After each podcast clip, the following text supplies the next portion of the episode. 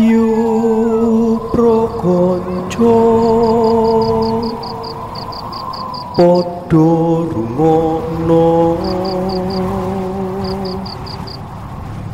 Aku duwe carito Mbrono mrene Ono mati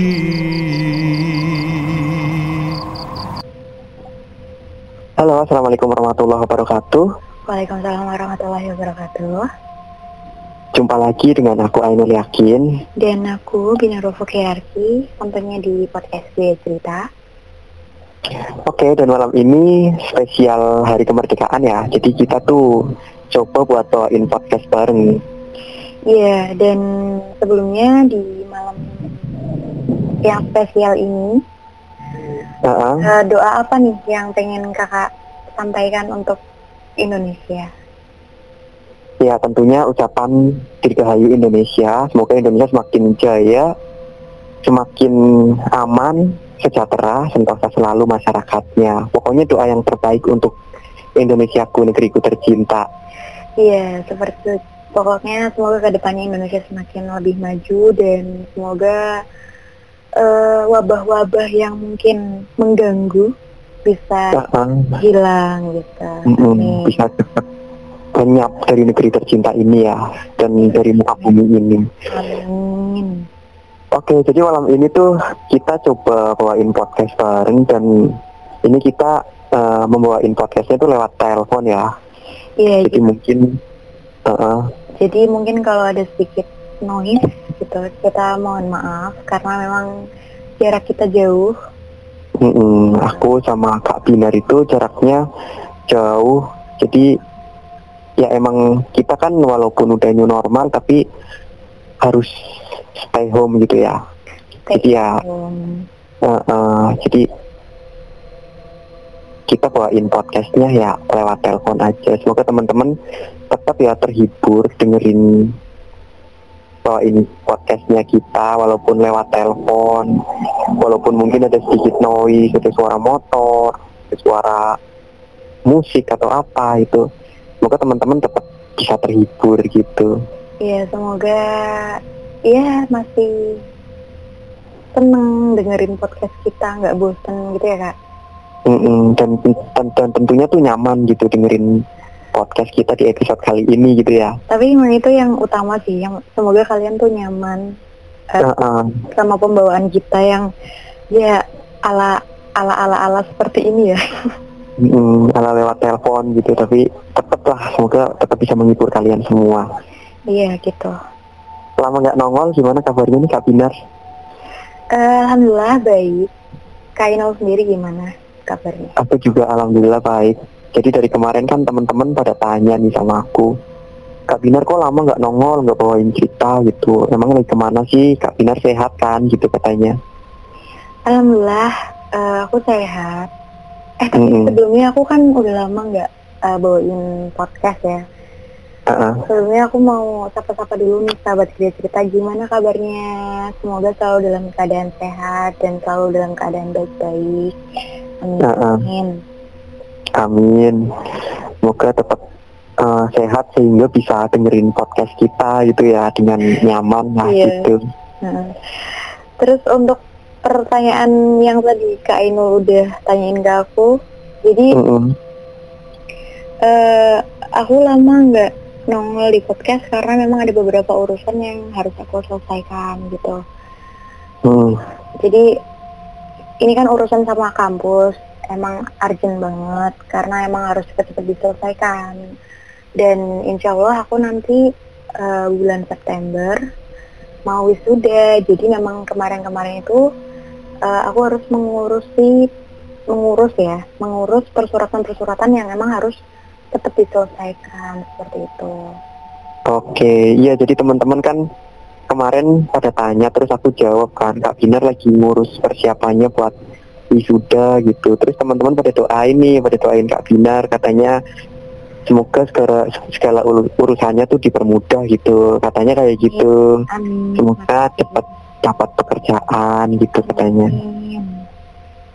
Heeh. doa terbaik semoga balik lagi ke kalian ya. Oke, jadi ini wisudanya bulan September ya kak? Iya, eh, aku wisuda bulan September, cuman belum tahu tanggalnya sih. Oh, nah ini kak Binar mau kado apa nih? Mau ngasih apa emang? Nggak usah sih, yang penting buat aku itu doa. Oke. Hmm. Oh iya, jadi ini sebelum kita bawain cerita ya, kita mem- membagikan cerita buat teman-teman semua. Aku pengen mengajukan beberapa pertanyaan nih sama Kak Binar. Ini pertanyaan dari teman-teman juga ya, yang selama ini tuh kepo sama Kak Binar. Kak Binar itu siapa sih? Terus dia masih SMA apa udah kuliah apa mungkin udah kerja? Terus ada juga yang tanya udah merit apa belum sih gitu. Jadi kenalan lagi dong. Ini mau kenalan atau mau bikin KTP kak? Kok lengkap banget gitu ya? Ya jadi eh, nama Binar Ukirarti itu adalah nama panggung aku. Heeh, punya nama panggung juga ya. Iya, jadi eh, dulu kan waktu masih kecil memang sering ikut lomba nyanyi gitu. Mm-mm. Terus kalau acaranya itu acara pribadi, maksudnya dalam artian eh, kita nggak membawa nama sekolah atau apa pun itu ya. Mm-mm. Aku selalu pakai nama Binurufo Kirarti itu gitu. Dan Hmm, nama asliku itu di Wahyu Octavia. Teman-teman, Dwi Wahyu Octavia ya. iya teman-teman bisa panggil aku Hmm. Dwi. Gitu. Oke. Tapi kalau udah melekatnya Kak Binar juga nggak apa-apa. Kalau mau manggil Kak Hmm. Dwi juga nggak apa-apa sih. Dan Itu sama-sama namanya gitu ya. iya, dan juga aku eh, masih kuliah, tapi udah lulus ya. Ini mau wisuda. Iya mau juga. Aku kuliah di salah satu universitas negeri yang ada di Semarang. Gitu. Oke. Dan tentunya aku belum merit. Aku masih single. Iya dan kalau aku sendiri mungkin teman-teman udah sedikit banyak udah banyak yang tahu ya tentang eh, dirinya aku gitu. Aku kan selama ini sering berbagi cerita horor yang aku alami sendiri nih kak. Mm-mm. Dan sedikit banyak tuh aku menyinggung tentang dirinya aku dan keadaannya aku di mana aku itu merupakan seorang penyandang disabilitas tunanetra ya dan aku bersekolah di salah satu sekolah luar biasa yang ada di salah satu kota di Jawa Tengah gitu Iya, jadi eh, mungkin eh, sedikit cerita juga. Mungkin Heeh. teman-teman yang tanya atau sahabat cerita yang tanya kalau kok bisa kenal sama Kak Binar, Kak Dwi, kayak gitu. Karena memang Hmm. dulu waktu aku semester 6, aku ada penelitian di sekolahnya Aina. Heeh. di sekolahnya aku dan aku itu eh, eh, Sampai sekarang masih temen gitu. eh, waktu itu aku kepo juga kan pengen kenal dan akhirnya kita bisa kenal sampai sekarang alhamdulillah kita bisa sahabatan gitu ya Ya, gitu.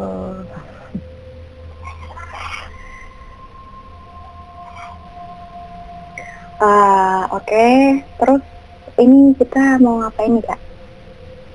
eh kita mau ini aja kali ya apa eh, bagi-bagi cerita sharing cerita tentang cerita yang kita alami kisah horor yang kita alami atau orang-orang terdekat kita alami gitu aja ya malam ini ya Hmm, boleh sih, boleh. Eh, eh. gimana nih Kak Binar dulu apa dulu yang mau cerita Kalau aku sih, aku sedikit ya, karena memang aku eh, jarang banget mengalami hal-hal yang mistis kayak gitu, ibarat eh, sampai diliatin atau diapain tuh aku eh, jarang. Bahkan jarang ya Iya, bahkan mungkin nggak pernah gitu. Cuman kalau untuk orang-orang terdekatku, ya banyak sih yang uh, pernah mengalami kejadian itu gitu. Tapi boleh dong diceritain uh, untuk aku sendiri, kayaknya pernah deh waktu SMP yang waktu episode lalu aku udah pernah cerita di eh. podcast juga kan. Eh, eh, udah pernah diceritain gitu ya di salah satu episode gitu di podcast kita juga ya waktu itu Iya, jadi ya waktu SMP eh, waktu itu aku emang eh, ikut salah organisasi organisasi pramuka gitu terus harus ada pemilihan ada jejak malam dan ya di situ aku dengar eh, suara-suara orang menggigil gitu ya. Dan Heeh. eh, pas itu posisinya jejak malam itu ya posisi aku dan temenku tuh jauh gitu. Dan gak mungkin aku bisa dengar temenku menggigil sedekat itu gitu. Jadi kayak aku ah siapa ya? gitu. Cuman aku ya masih berpikir positif ya kalau itu ya udahlah halusnya halusinasiku Mm-mm. aja gitu Tapi Kak Binar dengar suara itu jelas. jelas banget jelas banget Hmm, itu suaranya suara eh, lelaki apa perempuan gitu? Iya, aku kurang tahu sih itu apa laki-laki atau perempuan, cuman ya kayak orang Jelas banget aja gitu. gitu, ha. Oh, yang merinding aku ih. Iya, Hmm. gitu. Terus waktu KKN juga pernah Heeh. gitu. Jadi kan eh, aku KKN di Batang gitu. Heeh. Terus di desaku, di desa tempat KKN gue itu memang ada pohon beringin besar banget gitu. Mm-mm. Dan malam itu tapi sebelumnya eh, aku ngejelasin dulu di daerahnya itu emang jarang banget ada lampu gitu Masih pelosok gitu ya? Eh, jadi emang lampu tuh jarang banget jadi lampu itu ada kalau misalkan ada rumah jadi kalau misalkan eh, daerah-daerah kebun gitu ya nggak dikasih lampu gitu. Jadi pas eh, aku lewat situ kan waktu itu aku Mm-mm. harus eh, nemenin eh, Karang Taruna eh, latihan kan latihan marching pring marching pring gitu. Marching pring. nah itu. Terus Hmm, lewatlah ke tempat itu. Terus kan kita eh, dari teman-teman KKN itu bawa bawa minum bawa gelas gitu kan. Heeh. terus pas di pohon itu gelasnya jatuh. Gelas jatuh. Heeh. gelasnya jatuh terus habis kayak gitu pas itu yang bawa gelas tuh nggak sama aku posisinya. Aku udah sampai duluan. Terus Heeh. pas dia datang pas dia datang itu eh, dia bilang gelasnya jatuh di sana terus gimana kayak gitu ya udah kita ambil kayak gitu. Tapi temanku nggak berani. Terus kata teman-teman eh, yang lain juga udah nggak usah ini aja nggak apa-apa biar minumnya tuh barengan deh kayak gitu. Heeh. daripada balik lagi kan kayak gitu. Karena memang waktu itu teman-teman KKN yang cowok nggak bisa ikut karena ada eh, kegiatan yang lain gitu. Heeh. terus eh, pas udah pulang selesai itu selesai latihan itu sekitar jam ya 11 malam gitu. Heeh. dan kan otomatis lewat situ lagi kan. Mm-mm. nah kita tuh semua yang eh, datang cewek-cewek KKN yang datang itu ya ada sekitar delapan orang. Kita emang berhenti di situ gitu. Kita kita senterin kan kita senterin mana kok nggak ada nggak ada gelas? Kok nggak ada gelas jatuh? Kamu yakin jatuh di sini? Kayak gitu. Iya seriusan aku jatuh di sini. Maksudnya gelasnya tuh jatuh di sini wong. Tadi aku yang bawa kata temenku tuh gitu. Heeh. terus nggak ada. Terus terus gimana? Terus emang benar-benar nggak ada jadi sampai kita turun itu nggak ada gelasnya gitu. Gelasnya emang bener-bener hilang gitu di situ. iya hilang gitu. Terus Hmm. kayak gitu eh pas ya udah deh kita besok balik lagi aja ke sini. Mungkin ini udah malam jadi kita nggak tahu jatuhnya ke mana karena di bawah itu kan ada kayak eh, sawah gitunya kan? Heeh. gitu terus ya jadi akhirnya kita balik kita balik. Nah terus ternyata pas kita balik itu gelasnya itu ada di tikungan yang lain gitu loh. Oh. gitu kayak tadi terus temanku lihat ada temanku yang lihat katanya tuh gelasnya tuh kayak keseret angin padahal nggak ada angin gitu Aduh, merinding banget ya tuh Merinding aku merinding beneran. Berarti jadi kayak ya Heeh. ya kayak buat mainan gitu itu emang bener-bener ada yang lihat gelasnya kayak keseret angin gitu. iya cuman kalau keseret angin kan kalau posisi gelas itu kayak ngegelinding gitu kan kak Heeh. jadi kalau itu tuh kayak kayak orang pakai Kayak diseret. kayak orang pakai sepatu gimana sih tok tok tok gitu loh jadi gelasnya Heeh. kayak, kayak jalan gitu Oh. Oh, emang bener ada yang mainin itu ya berarti ya? Kayaknya sih gitu. Berarti kayak kelasnya kayak eh, mumbul-mumbul ke atas gitu jalannya. Cuman nggak terlalu tinggi. Gitu. Posisinya tuh ya cuman ya cuman kayak tok tok tok gitu doang. Oh. Terus jarak antara pohon beringin itu sama tikungan itu jauh nggak? eh sekitar berapa sih ya? Bisa dibilang eh 10 meter mungkin Ih, jauh juga ya. 10 meter deh ya 10 meter. Ya, berarti jauh juga ya. Emang jauh sih, emang lumayan jauh sih. Heeh. Tapi emang yang temanku yang pada waktu itu 12 itu sama jadi kan mereka boncengan kan naik motor Heeh. itu emang jatuhnya tuh di pohon beringin itu gitu tapi kok kenapa gelasnya tahu-tahu di sana gitu sedangkan itu datarannya itu turun harusnya kan kalau emang jatuh ya malah lebih ke sana kan turun ke Heeh. itu malah jadi pas eh, jadi tikungan yang kita nemuin gelas itu itu tuh dari pohon beringin ke tikungan itu tuh naik. Naik heeh. Nah, jadi gak mungkin dong naik. Terus Iya ya nggak mu- nggak mungkin ada kelas naik sendiri gitu kan. iya makanya tuh. Gitu kak. Jadi ceritanya gitu. Nah gitu. Jadi eh ya begitulah cerita lumayan horor waktu aku Mm-mm. KKN gitu Mungkin kelasnya ngejar temennya Kak Binar yang naik motor itu ya. Woi aku jatuh woi tungguin gitu ya.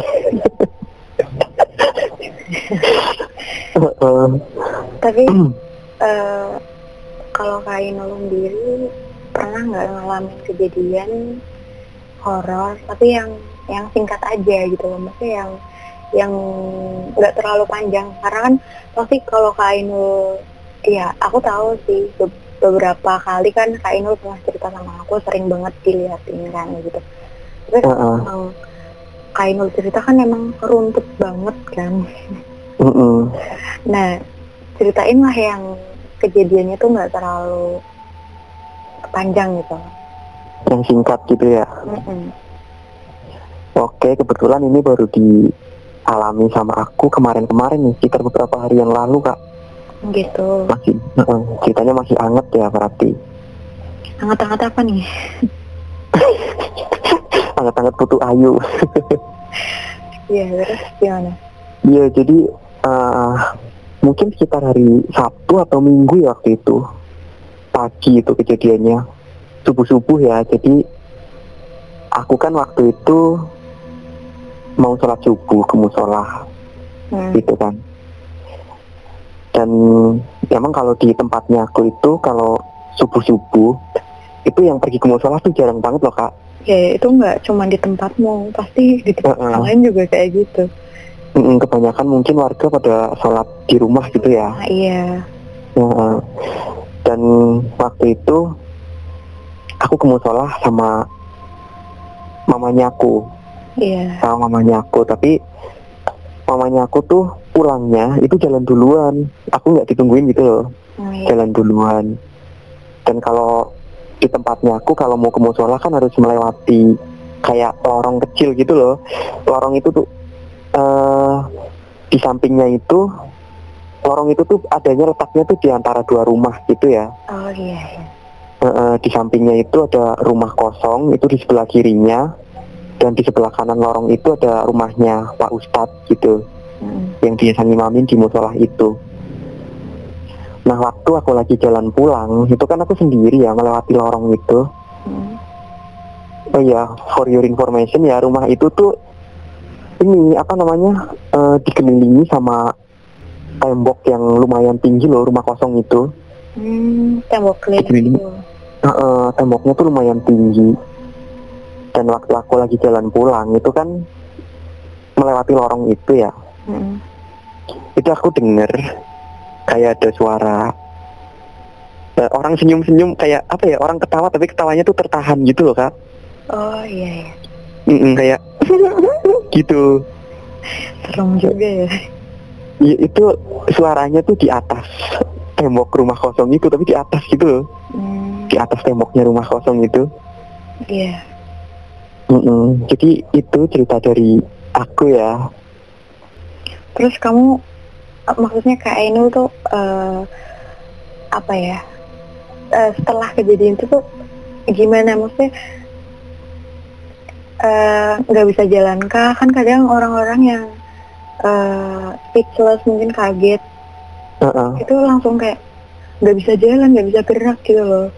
Karena enggak sih cuman karena temen heeh. temenku tuh juga pernah ada yang eh, kayak gitu. Jadi pas dia udah didengerin atau diliatin kayak gitu jadi malah dia tuh membatu gitu loh. Jadi nggak bisa ngapa-ngapain. Heeh. hmm. emang kayak terkunci gitu. Kebanyakan sahabat kerja cerita yang cerita juga iya sih ya kalau ngalamin kayak gitu tuh kayak mematung gitu. Iya. Bisa ngapa-ngapain. Tapi kebetulan pagi itu aku cuma jalan biasa ya. Aku jalan biasa karena aku kan udah hafal jalannya ya jadi walaupun aku eh, apa ya penglihatannya tuh kurang gitu ya aku tetap jalan cepet biasa loh cuman jalannya dipercepat aja gitu. Oh, gitu. Ih suara apa tuh kayak gitu kan. Dalam hatiku cuma kayak ih suara apa tuh? Terus aku langsung jalannya dipercepat gitu. Terus waktu itu juga agak bau bunga melati gitu sih. Hmm. aku cuma nyium kayak gitu tapi kalau ngelihat sih enggak ya karena kan jarak tembok ke bawah itu tembok atas ke bawah itu kan lumayan tinggi ya itu. Jadi ya nggak lihat gitu. Lah itu memang hari apa kak? Hari malam Senin atau malam Minggu ya waktu itu. Aku udah agak lupa sih ya kejadiannya.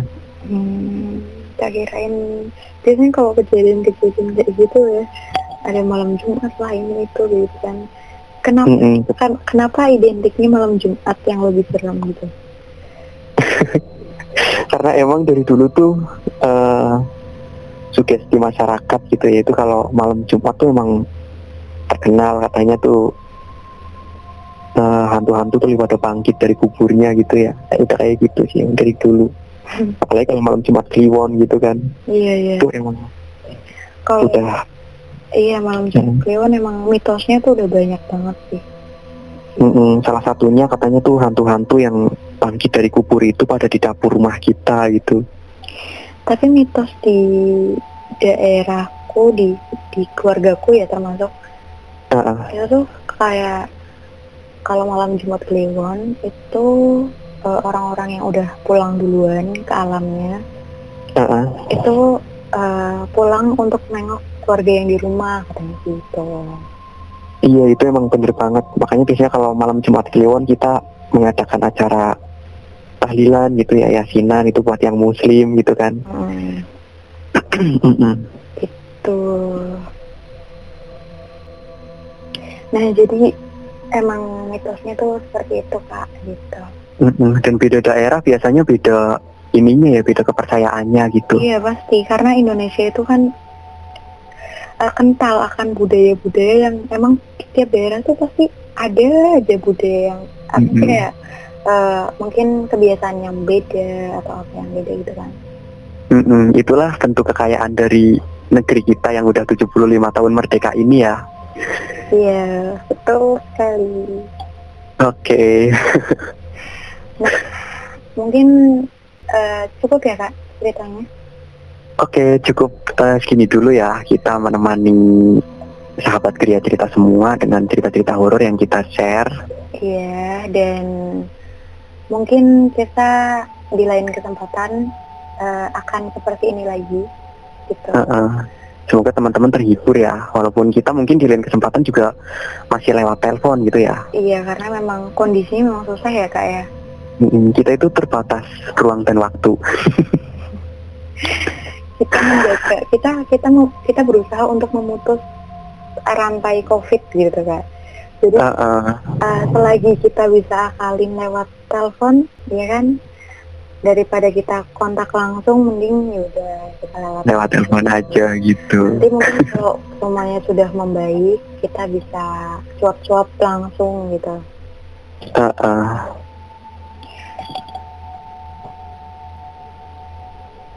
Oke, kita berjumpa di episode yang selanjutnya ya. Mungkin aku bakalan kolaborasi lagi kayak gini sama Kak Binar atau salah satu dari kita yang bawain cerita sendiri gitu ya. Iya betul sekali. Nah, uh, sekali lagi dirgahayu buat Indonesia tercinta Merdeka. merdeka. Oke, matur nuwun wis ngrungokno. Thank you for listening. Terima kasih sudah mendengarkan Kita berjumpa di episode selanjutnya. dan sampai jumpa.